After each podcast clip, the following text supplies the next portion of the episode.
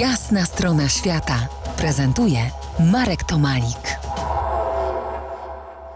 Piotr Kilian, po jasnej stronie świata, miłośnik y, pieszych wędrówek. Pochwal się, ile masz już w nogach. Oszacowałeś to sobie w poziomie i w pionie? Wiesz co, przestałem liczyć po pewnym czasie.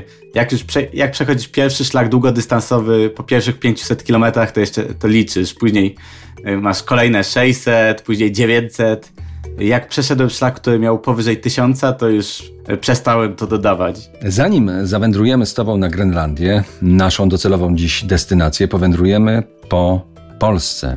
Najfajniejszy szlak wędrowny, powiedzmy, z tych dłuższych, subiektywnie dla Ciebie. Wow.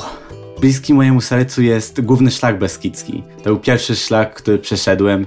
Dodatkowo przechodzi przez moją miejscowość istebną, więc no, on jest najbliższy i myślę, że to jest też dobry taki szlak na początek, bo mimo wszystko ta infrastruktura y, około turystyczna jest bardzo dobra. Jest dużo miejsc noclegowych, jest, jest gdzie rozbić namiot, jest, y, jest po prostu y, przyjemny ten szlak.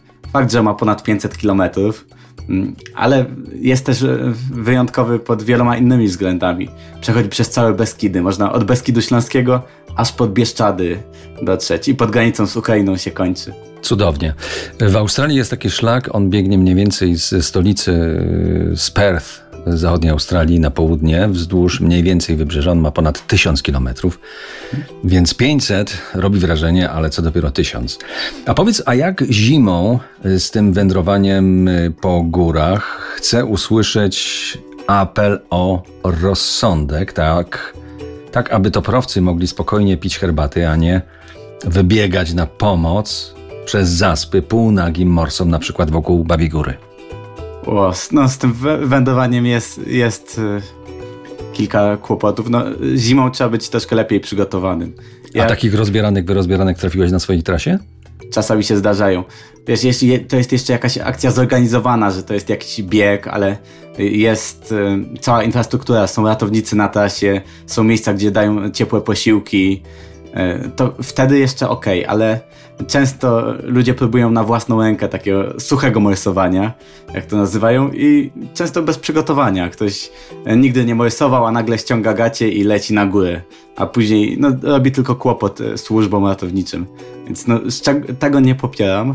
Ze szlakami długodystansowymi jest trochę inaczej, bo jednak idąc już zimą, szykując się na taki szlak, który ma powiedzmy, nie wiem, 500 kilometrów, to, to już musi być jakiś, jakoś przygotowany. Ja początkowo, szczerze mówiąc, to nie miałem takich, takich umiejętności, jakie mam teraz. Ja ruszyłem ten pierwszy swój szlak, właśnie GSB, zimą.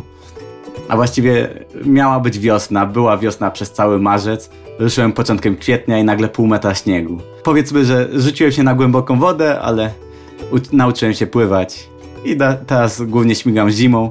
Zimą też mam więcej czasu, więc wtedy chodzę.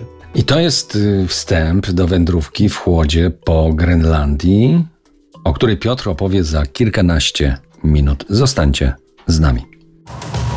To jest jasna strona świata w RMS Classic.